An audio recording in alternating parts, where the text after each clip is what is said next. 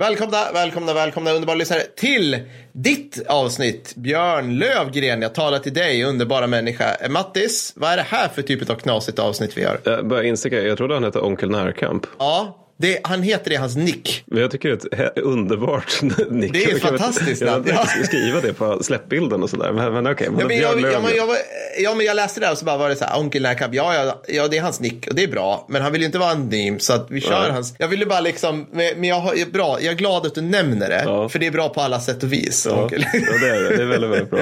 Nej, men det här är sånt här ett härligt eh, Expressavsnitt som vi släpper till våra, de eh, stolta arbetsgivare som är på nivå Gustav II Adolfs livvaktsstyrka. 中 Där Ja. man efter ett halvårs förtjänstfullt eh, anställande av oss får bestämma vad vi ska prata om i ett Expressavsnitt. Ja, helt, helt enkelt. Så att det här är Björns avsnitt Mm. rakt upp och ner. Och vill man bli en sån här individ så blir man som du sa G2-are i sex månader. Och så high-fivar vi in dig och du äger vår stjärt. Mm. Eh, ja, kollektivt. Vad vill Björn att vi ska prata om? De- här, alla de här ämnena blir allt mer dekadenta. Ja. Så att nu, nu är det eh, gruvarbetare i krig inom parentes VK1 slutparentes. Ja. Det var det som var önskemålet. Ja. Så att det är det som kommer. Jag älskar det. Ja. Och precis som tidigare så var det så att jag satte mig ner och var så här, "Men vad fan Ja. är det här? Och så, så läste jag om det och bara, det här är ju svinintressant. Ja. Varför har vi inte ett helt avsnitt om det här? Ja.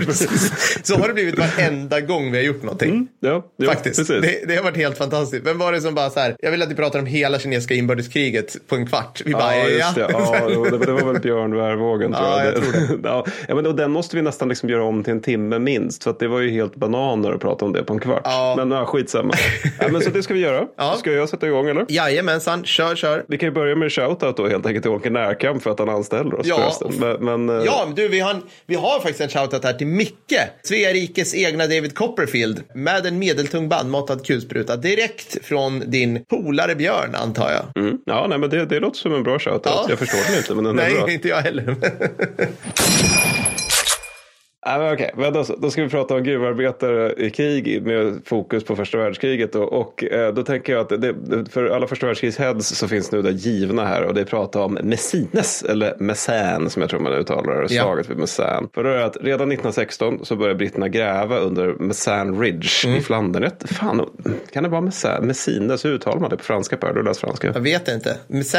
Mess, ja. Vi säger Messin. Ja, Men vi säger Messin för vad fan. Nej, för alla frankofiler får rätta oss. Eh, nej, men det var så att för in under Tyskland och Flandern så har man liksom för syftet särskilda tunnelkompanier.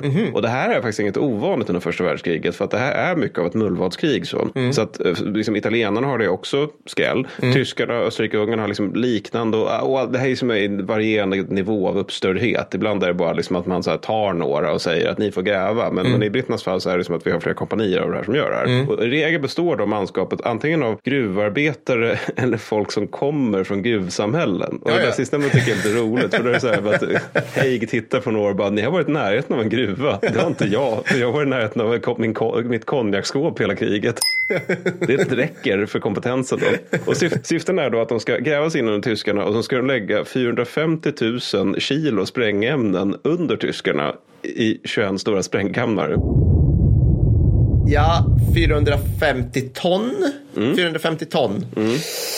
Det är jättemycket. Alltså det är, Det är en stor pang. det är en stor pang. Det är 0,45 kiloton. Uh-huh. Det är typ en halv Hiroshima. Nu bara, alltså, Ja, det kanske det är något sånt där. Det är mycket i varje Ja, det fall. Alltså, det, blir bra, mycket. det, blir, det blir en bra smäll. Ja, ja för men det är fördelat på olika då. Ja, 21 sprängkammare Ja. lägger man in det i. Då. Okej. Men, men, men då är alltså förfarandet är att man, manskapet skickas ner under jord med sandsäckar, då, tomma sandsäckar. Och så fylls de här då och Mm. så, så slänger de in sandsäckarna i gruvvagnarna. Då. Och eftersom man vill att det här ska vara tyst då, så har, har manskapet de har vadderade skor och gruvvagnarna har gummihjul då, så att det Jaha. inte gnisslar så mycket. Ja. Vi kommer komma till varför det är viktigt med att det är tyst. Ja. Och framförallt använder man sig av hackor och spadar då, vilket gör att det här är väldigt, väldigt tungt i den här tunga lerjorden. Ja. Och man håller på med det här i över ett år. Såklart Vilket är ganska lång tid. Så till slut så finns det, inte sovsalar, men att det liksom i, i sidorna av gångarna finns liksom britsar där soldaterna kan ligga och sova. Ja. Vilket jag tänker är det perfekta remsömstället. Ja. Och, och, det här är naturligtvis extremt farligt. För att alltså, tyskarna ogillar ju det här projektet Ja. och försöker störa det. Då. Och dels har de egna sapörer då, som gräver mottunnlar. Så att, Ja. så att alltså, britterna är ute och gräver genom Flandern då, och så helt plötsligt kommer en ny tunnel då från lag Tyskland. Ja. Och ibland så dråsar liksom tyskarna in genom britternas tunnlar då och omys följer. Ja. För jag tänker om man ska prata o, alltså, så här, suboptimala stridsförhållanden är väl då möjligtvis att slåss under jorden i Ja. liksom så här trånga, mörka gångar Ja. där det är svårt att andas. Ja, i alla fall. Eh, Och båda sidor använder också så här, slags rikt. Jag fattade faktiskt inte riktigt hur, vad det var för någonting, men det beskrivs som en slags riktade laddningar. Liksom. Man sätter den i sidan på den ena tun- egna tunneln Ja. och så drar man av den och då kollapsar fiendens tunneln och alla som är i den då dör eftersom Okej. de kvävs och krossas av jorden. Då. Ja. Och dessutom själva liksom nedgångarna, själva schakten då beskj- beskjuts ju då ivrigt av tyskt artilleri. Mm. Och sen till sist eh, så finns det ju också det här med att eftersom första världskriget är första världskriget så kan en tunnel bara spontant fyllas av vatten eller Ja, ja. gas eller någonting annat. Liksom. Så, så att det, det, det är liksom, bara att vara här är en tråkig grej. Eller liksom att de bara kollapsar. Helt Men, men gräver man liksom så långt att man kommer in ba, alltså under tyskarnas linjer, Mm. alltså nedanför. Så du står där Fritz liksom och tittar ut över ingenmansland och så bara hör under dig typ. Ja, det var ju därför de använde de här eh, gummihjulen. Ja, då. Så, så att de, när de är under tyskarna är de så pass långt ner att tyskarna bara hör dem, eller kan höra dem ifall de just gräver de här mottunnlarna. Ah, okej. Men och det måste ju också vara, alltså det är ju bra nightmare fuel, att man håller på och gräver fram det så helt plötsligt så hör man, man tycker sig höra liksom spadtag. Alltså jag har så mycket nightmare fuel här redan. Ja, alltså, jag visst. behöver- Men, men, det men, men här just den här liksom, alltså- jag fattar just den här grejen liksom att man bara, hold up guys. Och sen så hör man, fortsätter man höra grävande. Ja. Att man då måste, nu ska vi alltså förbereda oss för strid Ja, ner i den ja. här skiten. För de beskriver det ibland som att, att det räckte med att kasta ner några handgranater i fiendeschacket. Bara, ni har mer handgranater. men, så det, här, det här är rätt sugigt. Men, Mm. men 17 februari 1917 så sker en förbättring. För då använder den en mycket stor borr. Den, Och den här beställs då från Stanley Heading Machine Company för Mm. Okej. den sanslösa summan 6 000 pund. Helt vansinnigt. Och tanken är att ma- maskinen ska avlasta människan då. Och den gör mycket, mycket riktigt jättefina släta tunnlar då. Mm. Men den fastnar hela tiden i den här lerjorden. Så att den här 7,5 ton tunga mackapären måste från och till grävas fram då för hand av de brittiska soldaterna. ja. Och efter att ha grävt 60 meter så storknar den helt och man får gå, återgå till spadar. Så Ja. att den liksom åker 60 meter och så bara, nej, det går inte längre. För att det här är 1917 och teknologin så tillförlitligt. Men så 7 juni 1917 så är det dags och dagen innan så har brittiska andra arméns stabschef sagt till den förs- församlade journalistkåren att gentlemen, I don't know whether we are going to make history tomorrow, but at any rate we shall change geography. Och det får han rätt i. För 19 av 21 minor detonerar och det här hörs till London så det är ganska bra tryck i det hela. Och på en vecka så tar man hisnande 3,5 kilometers terräng då. Ja. Till priset av 24 000 förluster. Så, så om jag fattar det rätt, man har grävt ner här under Mm. och så spränger man under tyskarna. Är, är, det liksom, är det nära de här 19 detonationerna? Alltså Nej, mellan det, det, varandra? är ändå, det, det är hyfsat långt ifrån. Alltså en ganska bred front. Så, men det är ändå tillräckligt för att alltså det, det, det är inte, alltså det är som vulkanutbrott för tyskarna. Det finns tyska vi- ögonvittnesskildringar av det här som är liksom att det bokstavligt talat de tror att vulkaner öppnar sig. Att de Ja. fattar verkligen inte vad som händer. Liksom. Och, och eh, tyskarna förlorar faktiskt för en gångs skull fler än vad britterna gör på grund av just chocken efter minorna. Och så det här är en framgång. Mm. Ja. Men samtidigt är det så att brittiskt skytte börjar också fundera och räkna på alltså, hur lång tid tog det för oss att gräva det här Ja. och hur mycket terräng tog vi och hur lång tid är det här, tar det oss då utifrån detta att ta nå Berlin? Ja, liksom. Det är ganska lång 3,1 tid. 3,5 kilometer på ett års grävande. Så bara- ja. ja, men, men så, så att, och det här är ju våldsamt och därmed sexigt i historieskrivningen. Men det var faktiskt inte särskilt viktigt. Även om det alltid finns någon brittisk historiker någonstans som bara ja men det nötte ner tyskarnas resurser. Men det gör ju liksom bara att vara vid Ja, ja, västfronten. visst. rycker, rycker, nöter ner tyskarnas resurser. Allmän wastage som vi Ja, har pratat ja. om. Liksom. Men, men, så, så det, det som var viktigt som gruvarbetare gjorde var snarare att de just grävde. Men de menar snarare grävde i civilt syfte. För Mm. att alltså, V- VK1 är ett väldigt metallintensivt krig. Alltså precis som alla moderna krig. Mm. Att allt, allt från stål till artilleripjäser och hjälmar till legeringar för stålet till kol för tågen som ska ta fram där till fronten till kopparn i fälttelefonernas kablar med mera. Det behöver grävas fram ur jorden. Mm, Och det visar sig att det är ett misstag att mobilisera gruvarbetare för det här korta fina kriget Mm. i fronttjänst 1914. Whoops. Men jag, tror, jag tror det är typ kring 1905, våren 1915 när man bara inser oj det här kriget blir långt. Ja. Så man bara okej vi måste ha tillbaka gruvarbetarna och bara nej de har hunnit dö nästan allihopa. Eller liksom att många så här kvalificerade gruvarbetare har dött redan. Det var ju olyckligt. Men det, jag, jag kan tänka mig liksom, eh, Kitcheners Army, liksom så här. The, the Wrexham Proud Minor Boys går ut och anmäler sig en masse och den gruvan bara Ja, precis. Och då blir Ingen mer produktion där. nej, nej, nej. nej men så, så det, här blir, det här blir en avvägning och liksom en av de yrkesgrupper för, för de flesta länder där det blir så här, ska vi sätta in dem i krig eller ska vi ha dem och kriga Mm. på hemmafronten så att säga. Och tyskarna löser det delvis genom att helt enkelt ta krigsfångar och ta dem att eh, gräva då. Ja. Och bara som ett lite snabbt sista exempel på, sen ska du få ta över varför gruv- gruvindustri är viktigt. Det är mangan. Mm. Den fina, fina metallen mangan. För i samband med Bredslow-offensiven förlorar, alltså 1916, förlorar Österrike-Ungern mangavgruvor- mangangruvorna i Jakobeni i Bu- Bukovina. Och det här då kan till del, men inte helt ut, kompenseras med mangan från Bosnien då, som Mm. Österrike också har.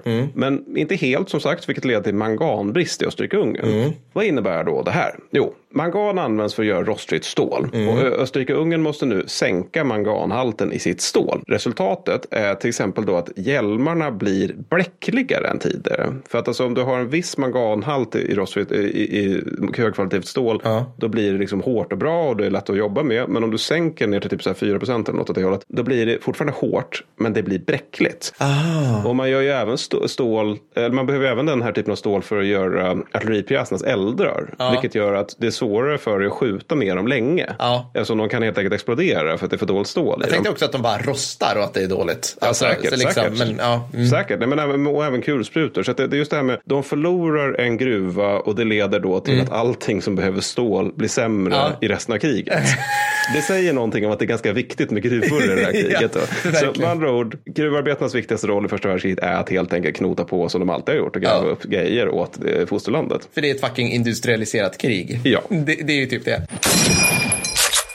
Ja, och apropå industri och apropå andra roliga saker. Nu ska vi hoppa in i det, ja men kan man, typ civila, för så här delar. USA, vi hoppar över Atlanten, eller den delen, liksom världen i stort. Så från 1800 sent till 1900 halvtidigt var det rätt pissigt att vara typ blue collar anställd i stora delar av världen. Det som kallas för the gilded age. Exakt, som är en bra tv-serie förut. Ish, statarsamhälle, rövarbaroner och en allmänt pissig inställning till saker som löner, arbetsmiljö och anställningsavtal. Det här gäller särskilt gruvarbetare. Om du vill veta hur usel den här tiden var för löntagande icke-tjänstemän kan du reflektera Mattis över att ännu idag samlar liksom syndikalister, fackföreningar med mera folk i så här icke, anse, icke oansenliga mängder tack vare liksom det kollektiva minnet av den här tiden. Därför ska trauma in på fem lodrätt. Alltså för det är liksom fortfarande idag så är det så här, ni vill inte tillbaka till det här och det är alla liksom har, man har den här äh, Ebenezer Scrooge farbrorn framför sig som är industri, industrialistpamp liksom. Sen säger jag liksom inte att det inte finns saker att göra för arbetarrörelsen idag, men jag menar Nej, bara nej, liksom men, att... men, eh, nej, men det är klart det gör. Men, men, men alltså, jag, jag, läste, jag minns att jag läste någon gång gruvdrift i centrala USA på sent 1800-tal. Ja. Där det var så att man, man liksom kedjade ihop arbetarna då i ett arbetslag. Och sen så såg man till att det var liksom, ja, men en kan prata mandarin, en pratar engelska, en pratar tyska, en pratar svenska. Orsak till det här det är då så att de inte ska kunna kommunicera med varandra. För Just om de kan det. göra det kan de starta ett fack. Ja, ja, Å exakt. andra sidan, om de inte kan kommunicera med varandra under jorden när de håller på med sprängämnen, då kan det också leda till följdeffekter. Ja, det kan. Alltså, så det finns hur mycket som helst. Och det, här, det här når sin höjd i det man kallar för kolkrigen egentligen i West, Virgi- West Virginia. West Virginia. Så gruvarbetarna där, ungefär 350 stycken, i slutet på 20-talet, organiserar sig i United Mine Workers of America. Om man undrar hur de här ser ut så kan man titta på Power of the Dog, som är en överskattad film, eller googla amerikanskt 20-tal. Då, så liksom, Det är hattar, det är väldigt mycket allvarliga ansikten, hängslen, typ så här. Och detta, att bara organisera sig, alltså vi gör inget mer, vi bara, vi är, en, vi är nu en, en fackförening. Det gör att allihopa får sparken av sin arbetsgivare. och ska lämna sina hem inom tre dagar Just det. Just det, för bolaget äger hemmen då. ja. Bolaget äger hemmen, bolaget äger eh, butikerna som de handlar i, bolaget äger liksom, you name it, säkert kyrkan som de går i där. Det skulle inte Vilken tur att slaveriet är avskaffat i USA vid den här tiden. Ja, men, det här är så jävla, det här är så sjukt. Det här får mig att bli så här bombkastande syndikalist alltså.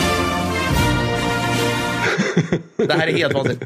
Så eh, då dyker några som heter Baldwin Felts detektivbyrå upp. Och läs, det här är den här tidens Wagner Group, eller Blackwater, anställd av företagsledningen. Och de börjar vräka gruvarbetare. Mhm. Läs två, alltså kasta ut kvinnor och barn i leran utanför deras hem.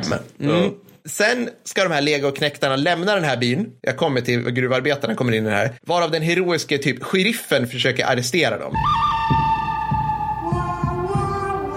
Jaha. Mm. Nu är det liksom showdown at town center. För att de börjar skjutas, folk dör. Alltså, sen händer grejer. Det, det, jag, jag försöker liksom ta, sätta in det i en, kontext för Sverige. Det här är ungefär som att LKABs alla gruvarbetare skulle organisera sig, Mhm. kräva bättre löner. Gruvägarna skulle svara med den geniala planen att köpa in Wagner Group, vars krigsförbrytarcirkus skulle dyka upp och genast förvärra läget. Showdown i centrala Kiruna med några fåtal icke-korrupta poliser i polisregion Nord Just det. Plus kommunalrådets ordförande. Så att de, alltså icke-korrupta poliser plus kommunalrådets ordförande i Kiruna mot Wagner Group och alla börjar skjuta. Kommunalrådet st- stryker med. Martyrer skapas. och det här händer då liksom, alla gruvarbetare, vad händer då? Jo, alla gruvarbetare organiserar sig ännu mer. Och nu pratar vi tiotusentals. De, de bara konstaterar att vi är LKAB i Kiruna, vi är nu en fackförening. Vi ska befria våra bröder i Gällivare gruva. Visst finns det gruvor i Gällivare? Säkert, säkert, jag, tror säkert. det säger det. Ja. Så de börjar, de börjar marschera ner dit. Så du har 10 000 beväpnade gruvarbetare som marscherar söderut. Jag tror Gällivare ligger söderut. I varje fall, de marscherar söderut i West Virginia för att kräva bättre villkor. Företaget då, fortfarande, de, de liksom tycker fortfarande att det här, det här är en stridighet som vi vill ta. Ja, rätten är på vår sida här, inte minst moralen. Ja, precis. De svarar med att beväpna 3000 poliser inom citationstecken och strejkbrytare med bland annat kulsprit, kulsprutor. Come again. Ja, ja, ja, de har kulsprutor. De hyr in, det här blir bästa, de hyr in privata flygare att släppa hemmagjorda bomber och stridsgas över gruvarbetarna. Ja, på grund av att de vill fackligt organisera sig. Ja, ja, på grund av att Ja. de fackligt Check, organiserar check. sig. Ja, Yes, de har yes. fortfarande liksom så här, det här ut, det, här liksom, så, som eh, gruvarbetarna möter företaget kan man säga på Blair Mountain Blue Ridge Mountains. början på 20-talet och eh, regelrätta strider utbryter.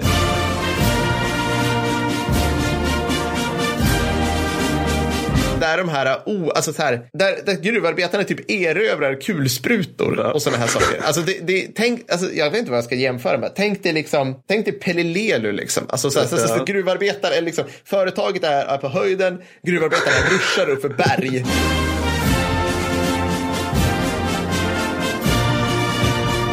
Och det skjuts. Eller Vietnam för den delen. Ja. Ja. Efter en dag av regelrätta strider får äntligen farbror staten tummen ur. Eh. Ja, man väntar ju lite på att liksom våldsmonopolet ska dyka upp i den här Ja, historien. men, men det här är också ett stickspår nu. Eh, också så här, om, om ni kära lyssnare, du och Mattis, är så här, mindre imponerade av, styr, av de senaste fyra amerikanska presidenterna, vilket man kanske ja. kan vara. Ta och läs om de här försupna upp över öronen korrupta ja, mellankrigspresidenterna. de är jätteroliga. Alltså Harding. Alltså, Ja, så, ja, de är herregud, är så jävla hopplösa. Det finns några så här, innan VK1, efter, efter Lincoln, innan VK1 och Mm. sen har du mellankrigspresidenterna. Det är typ Hoover, är väl typ alltså så här, oh my god, han får Trump att framstå som ett, här, ett moraliskt geni. There is nobody that respects women more than I do. Schackspelaren. Nobody has better toys than I do. Ja, men, ja, men det är det så här. Hur som helst, så staten får tummen ur, skickar hemvärnet och förband från I-19 då i min jämförelse för att avstyra fler stridigheter. Mhm. 50 till 100 gruvarbetare stryker med. Åh jävlar. Ja.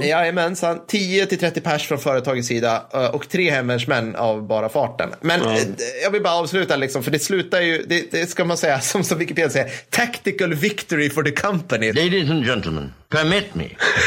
Bara, ja, fine.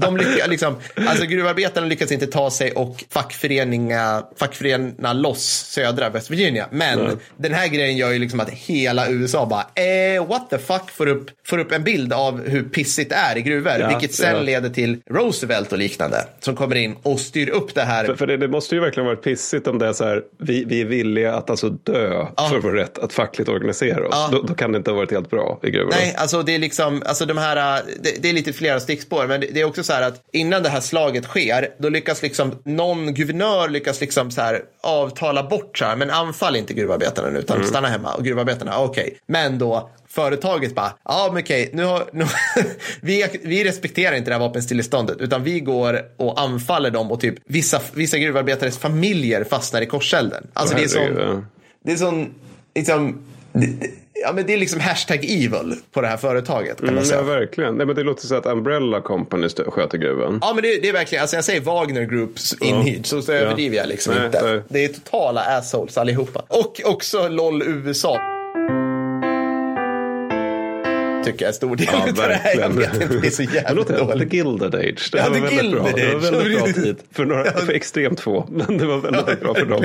Ja. Ja, det var det. Ja, det var härligt. Björn, jag hoppas du är nöjd med ditt avsnitt. Eller här i närkamp. Du får, ja. Och så säger jag så här att vi syns på Tersenfesten hoppas jag Mm, också. det gör vi. som är i höst för alla G2-are. Skitfett! Vi måste göra mer gruvarbetare Mattis. det måste vi uppenbarligen göra. Ja, bra. Ha det bra! Ha det bra. Hej. Hej då! Teardrop in my eye,